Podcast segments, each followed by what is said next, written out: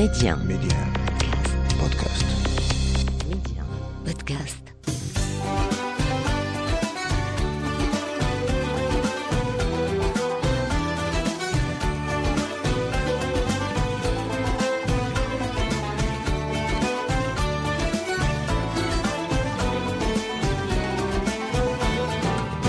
أرحب بكم في عدد جديد من للا بلادي أرض الخير والخصب والبركة للا بلادي التي دائما كما نقول تعرفون تاريخها ومآثرها وأطباقها وتقاليدها وكل مكان من الجمال والثقافة التي تزخر بها المملكة.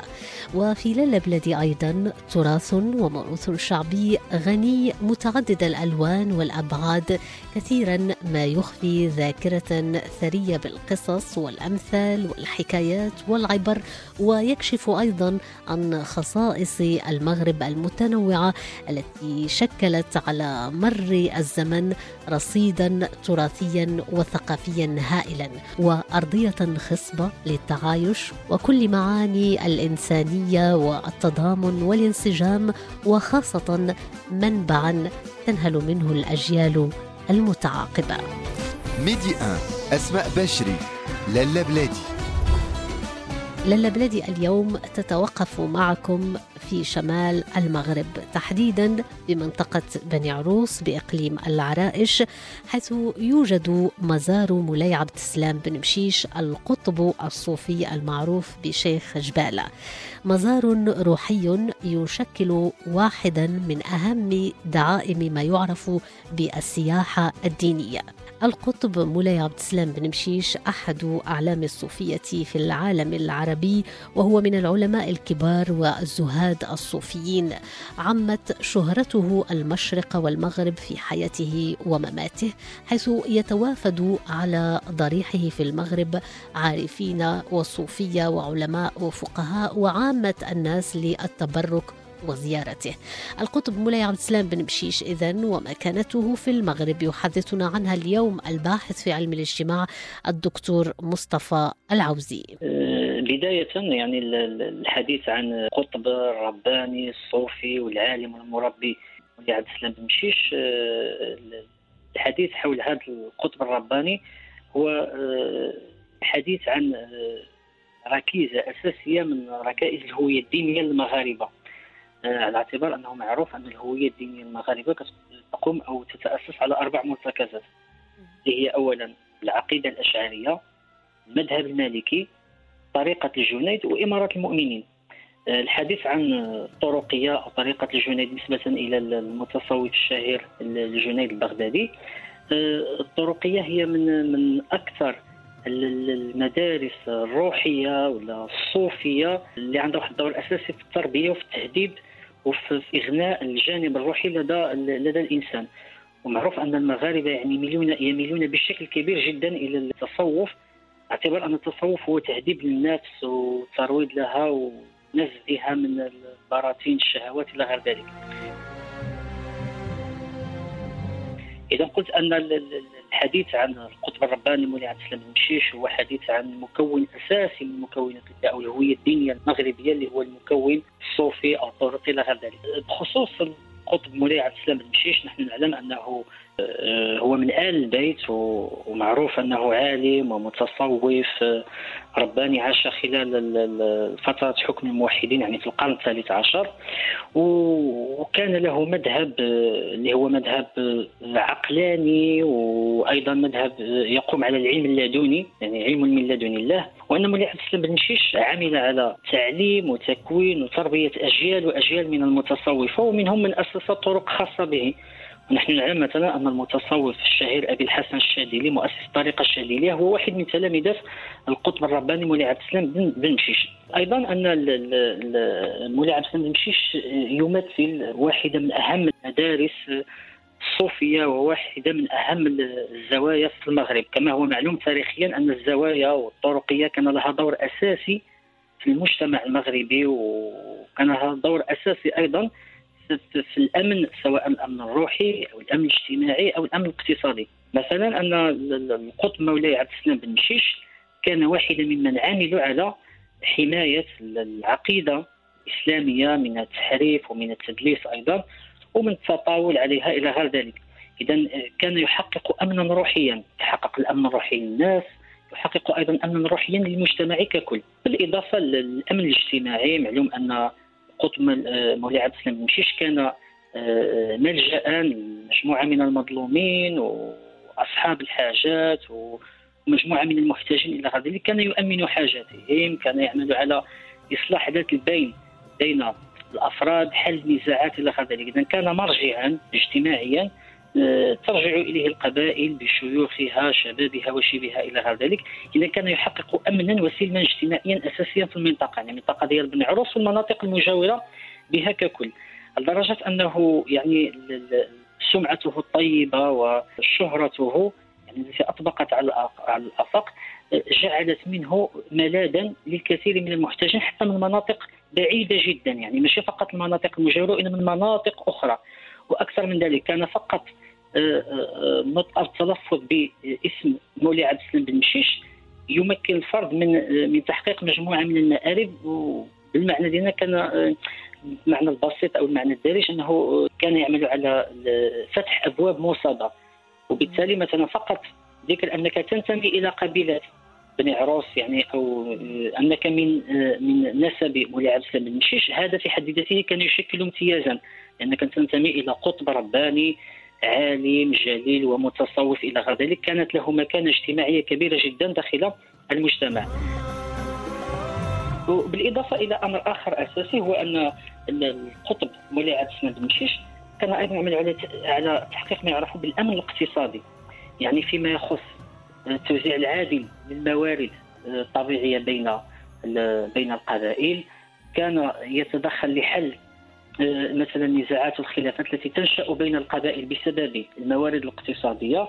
وكانت دائما اراءه هي آراء حكيمة أو آراء سديدة يعني كان رجلا حكيما أيضا. وكان بمثابة يعني ليس فقط ولي صالح وإنما رجل عدل. بهذا المعنى هذا. آه، ثم أيضا نحن مثلا أمن الأسواق القوافل التجارية إلى غير ذلك. يعني كانت آه، طريقة مولاي عبد السلام المشيش أو أتباع عبد السلام المشيش كانوا يلعبون دورا أساسيا في تأمين الحياة الاقتصادية أو تأمين الجانب الاقتصادي للناس. وهذا أمر معروف أن مجموعة من الزوايا طلعت بهذا الدور طلعت يعني دور آه، تأمين التامين الاقتصادي أو تحقيق الأمن الاقتصادي داخل المجتمع. معروف مثلا تاريخيا أن كلمة أو ما كان يعرف بالزطاط الزطاط يعني اللي كان يؤمن تنقل القوافل دائما أو غالبا الزطاط آه، يعني تكون له خلفية صوفية يعني كيكون إما مرتبط بزاوية أو ينتمي إلى زاوية ما أو حتى الوظيفة ديالو آه، هي وظيفة مسندة وتحظى بدعم من طرف إحدى الزوايا الصوفية والزطاط معروف يعني هو الذي كان يؤمن تنقل القوافل التجارية يعني من قبيلة إلى قبيلة أخرى. أيضا الحديث عن قطب عبد السلام بن مشيش الحديث عن المدرسة المشيشية أو مدرسة مولاي عبد السلام بن مشيش اللي هي مدرسة قامت على مرتكزين أساسيين، المرتكز الأول اللي هو التربية وهنا نتحدث عن التربية الروحية بالأساس أو آه، تهذيب الجانب الإنساني أو أنسنة الإنسان بهذا المعنى. ثم المرتكز الثاني هو حماية العقيدة. بخصوص التربية معروف أنه مولاي عبد السلام بن مشيش يعني كرس جل حياته كأستاذ وكمربي إلى آه، آه، حث الناس على تهذيب نفوسهم أو ترويض نفوسهم وبالتالي ترقي من مرتبة الحيوان إلى مرتبة الإنسان. وبالتالي الحديث عن أنسنة الإنسان أو كان يعمل على إذكاء الجانب الإنساني في الإنسان أو يبحث عن الإنسان في الإنسان. ومن هنا كان مولاي عبد السلام بن مشيش كباقي المتصوفه يعتبر الجسد بمثابة يعني شيء عرضي زائل متحول متغير لا يشكل أو لا يمكن أن نعتبره أساسا في الإنسان وأن الهوية الحقيقية للإنسان ترتبط بالروح. يعني الجسد كشيء فاني أو زائل لا ينبغي الاهتمام به آه، بل ينبغي معنى من المعاني تهميشه ولا ينبغي أن يكون الشغل شاغل الإنسان هو الاهتمام بالشهوات اللي هي تنزل به من مرتبة الإنسان إلى مرتبة الحيوان يعني يضاهي بها باقي الكائنات إلى غير ذلك.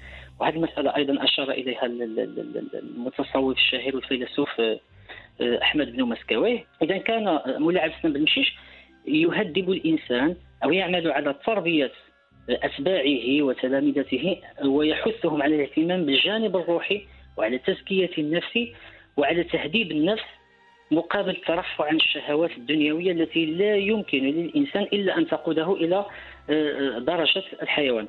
وهنا مثلا يعني بالعودة إلى أحد أتباع أو تلامذة آه، مولاي عبد السلام بن مشيش اللي هو آه، أبي الحسن الشاذلي يذكر في إحدى كتابته أن مولاي عبد السلام بن مشيش قال له ذات مرة ما يلي لا تنقل قدميك إلا حيث ترجو ثواب الله ولا تجلس إلا حيث يأمن غالبا أو تأمن غالبا من معصية الله. ولا تصحب إلا من تستعين به على طاعة الله. يعني هنا الحث على أن الصحبة ينبغي أن تكون صحبة حسنة. يعني صحبة تقودك أو تقربك إلى الله أن تبتعد ما أمكن عن المعاصي آه، أن تتجنب كل ما يمكن أن يوقعك في الخطيئة والمعاصي والرذائل إلى غير ذلك. وفي إحدى آه، كتاباته أيضا يقول مولاي عبد السلام بن مشيش التزم الطهارة من الشكوك. كلما أحدثت تطهرت ومن دنس الدنيا كلما ملت إلى الشهوة. يعني هنا واحد المسألة أساسية يعني أن الشهوات أو الملذات الروحية تعتبر من الأشياء المدنسة.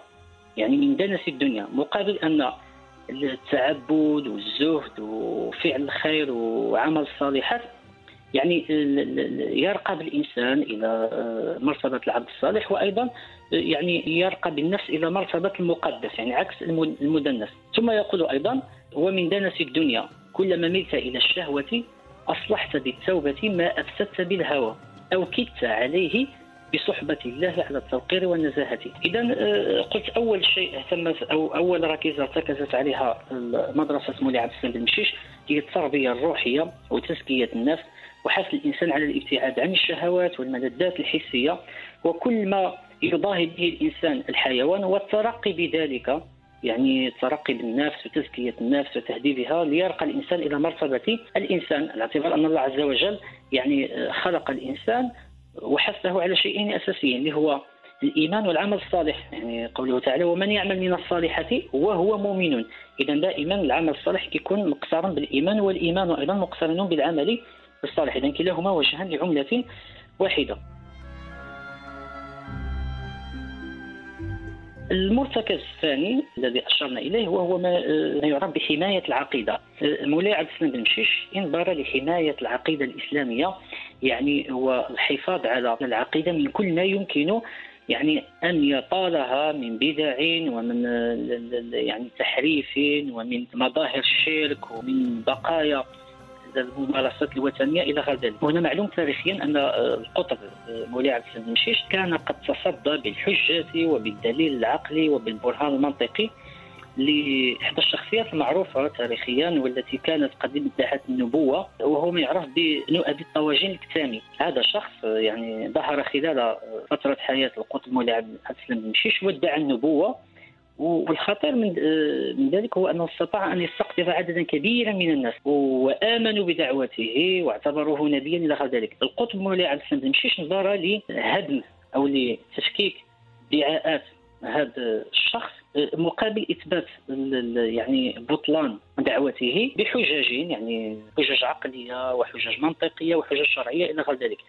اذا ادعاء ابن أبي الطواجين الكتامي أنه يحمل رسالة أو أنه نبي وأنه مبعوث من طرف الله هذا الادعاء هو ادعاء باطل بالنسبة لمولاي عبد السلام بن مشيش وهو ادعاء حاول أن يدحضه وأن يبطله وأن يعمل على تثمينه كما قلت بسناده لمجموعة من الحجج العقلية المنطقية والتي فعلا يعني كانت حجج دامغه يعني أبطلت دعوة هذا الشخص الذي ادعى النبوة. ومعلوم أن وفاة أو مقتل مولاي عبد السلام بن مشيش كان على يد أتباع ابن ابي طواجين الكتامي الذي رأى في القطب مولاي عبد السلام بن مشيش خاصما أو عدوا لدودا وبالتالي كلف بعض من أتباعه وعملوا على قتله ذات الصبح بعد أدائه لصلاة الصبح. اذا آه، قلت أن مدرسة القطب مولاي عبد السلام بن مشيش هي مدرسة ارتكزت على هذين الجانبين اللي هما الجانب التربوي ثم الجانب العقدي أو حماية العقيدة. أمر آخر أساسي يعني ينبغي ذكره عند الحديث عن القطب مولاي عبد السلام بن مشيش هو الجانب المتعلق حاليا يعني في الوقت الراهن قطب عبد السلام بن مشيش آه، يمثل بالنسبة للمغاربة يمثل ليس فقط مرجعا صوفيا وإنما هو أيضا مرجع في التربية، مرجع في العقيدة، أيضا مرجع في التصوف.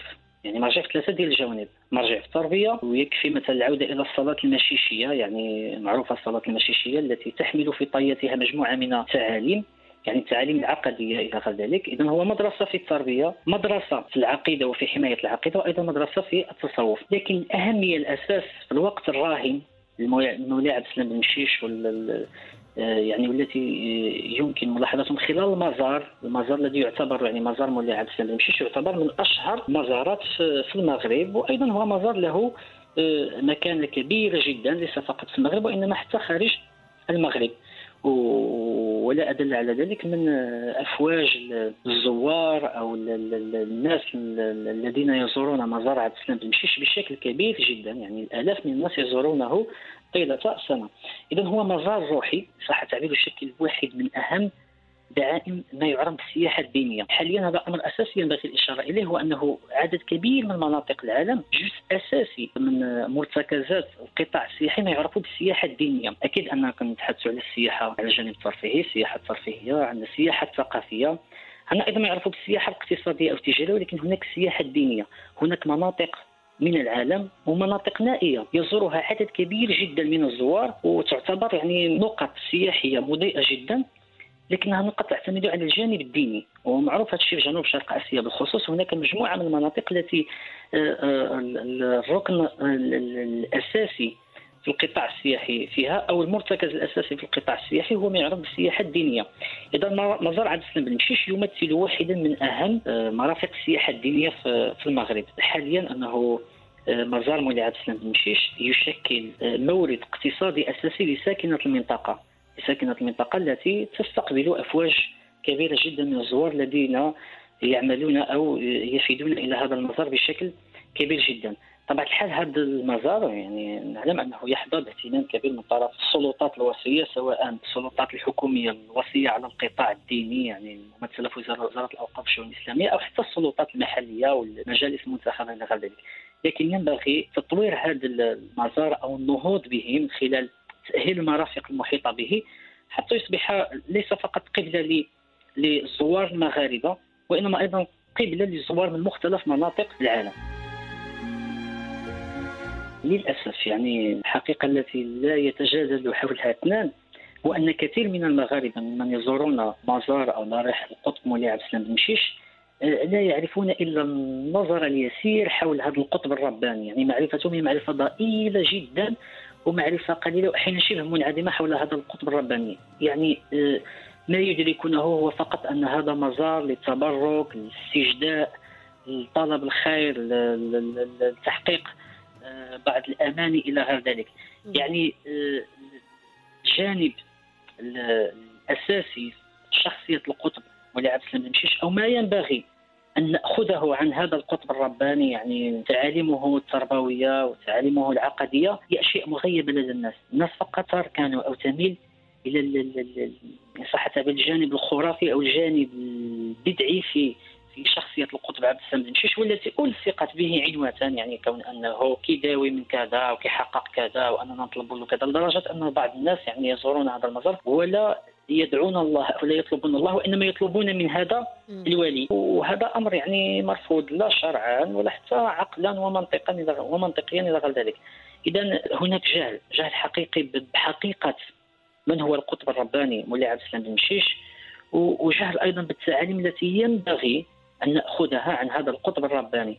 يعني تعاليمه الدينيه أو تعاليمه العقدية. الأشياء الأخرى هي أشياء فقط تم ترسيخها في ذاكرة الناس أو ذاكرة المغاربة يعني إما بشكل مقصود أو شكل غير مقصود وهي أشياء لا تمت إلى الحقيقة بصلة وربما لو أن القطب الرباني مولاي عبد السلام المشيش لا زال على قيد الحياة لتبرأ تبرأ من الكثير أو نتبرأ من الكثير من الممارسات التي يمارسها البعض في يعني ضواحي ذاك المزار عن وعي أو عن غير وعي.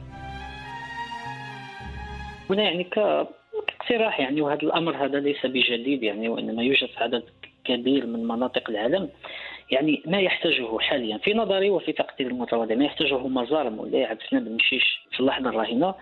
يعني هو اولا إنشاء متحف يعني كان نسميه مثلا متحف ذاكرة مولاي عبد السلام بن مشيش هذا المتحف يستعرض لنا يعني بالوثائق بالصور بالأشرطة المصورة إلى غير ذلك. يعني مراحل من حياة هذا القطب الرباني. أيضا آه، تعاليمه كتاباته اثاره العلميه إلى غير ذلك. كنلقاو مثلا بعض المتاحف في العالم كياخذ مثلا ممكن ناخذ واحد القولة شهيرة قال مولاي عبد السلام بن مشيش ونكتبوها بثلاثه ولا أربعة ديال اللغات في واحد البانو ودار عندنا في واحد المتحف. يعني كل متحف ديال ذاكرة ذاكرة مولاي عبد السلام بن مشيش. يعني لكي يتعرف الزوار على على الجانب الروحي أو على الجوانب الحقيقية في شخص في شخصية هذا القطب الرباني. يعني متحف متحف ذاكرة مولاي عبد السلام بن مشيش يعني نحن في أمس الحاجة إلى مثل هذا المتحف. ثم ثانيا هو تأهيل المنطقة يعني لتصبح قبلة للسياحة الدينية. يعني تأهيل ربما قد يكون تأهيل من ناحية ديال البنية التحتية وأيضا تأهيل حتى من ناحية ديال ديال التعريف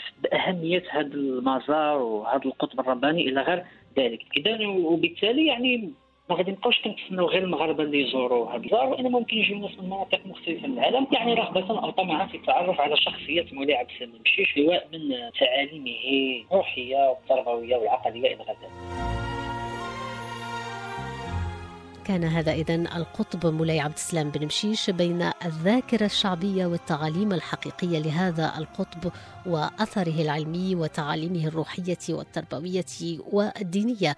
حدثنا عنها اليوم الباحث في علم الاجتماع الدكتور مصطفى العوزي وبذلك نكون قد وصلنا إلى ختام هذا الموعد. شكرا لكم على المتابعة. إلى اللقاء.